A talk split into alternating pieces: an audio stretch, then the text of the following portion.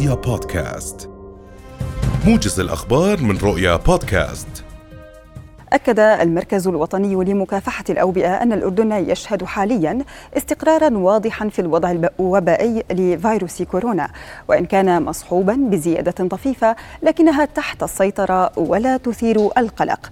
وقال المركز في بيان بمناسبة مرور ثلاث سنوات على بدء الجائحة في الأردن إنه رغم أن كورونا يندرج ضمن قائمة الأمراض التي يجب التعايش معها إلا أنه يجب على الفئة ذات الاختطار الصحي العالي ككبار السن والمصابين بأمراض مزمنة أخذ الإجراءات الوقائية والاحترازية الصحية المناسبة حماية من العدوى.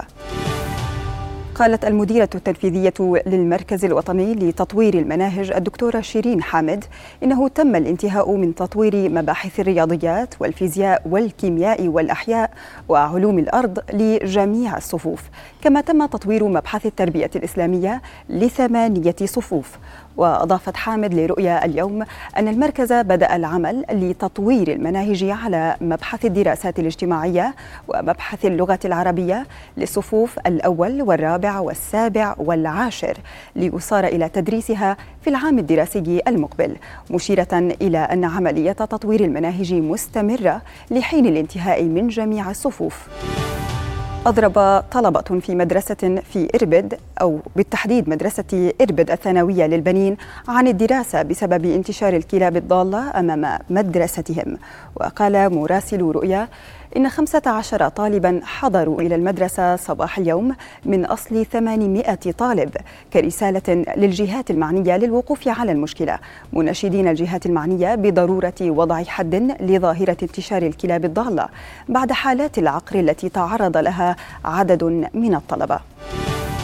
قال الناطق الإعلامي في وزارة الخارجية وشؤون المغتربين سنان المجالي إن الوزارة لا تزال تتابع عمليات البحث عن أردنيين لا يزالان مفقودين منذ 23 يوما في مدينة أنطاكيا التركية. وأضاف المجالي لرؤية أن الوزارة لم تتلقى أي معلومات جديدة حتى الآن تتعلق بالشابين. وجرى الإبلاغ عن فقدان شابين أردنيين في مدينة أنطاكيا الساحلية التركية عقب الزلزال المدمر الذي ضرب البلاد في السادس من شباط الماضي.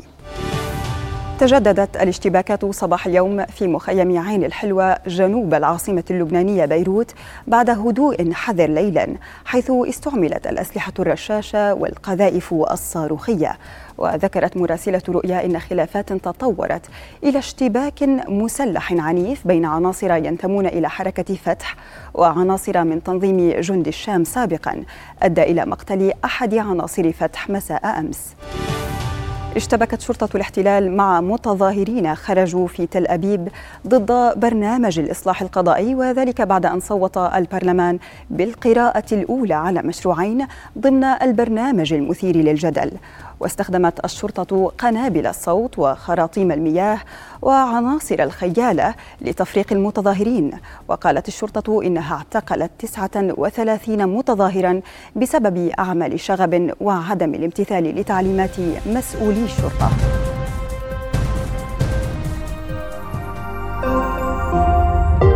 رؤيا بودكاست.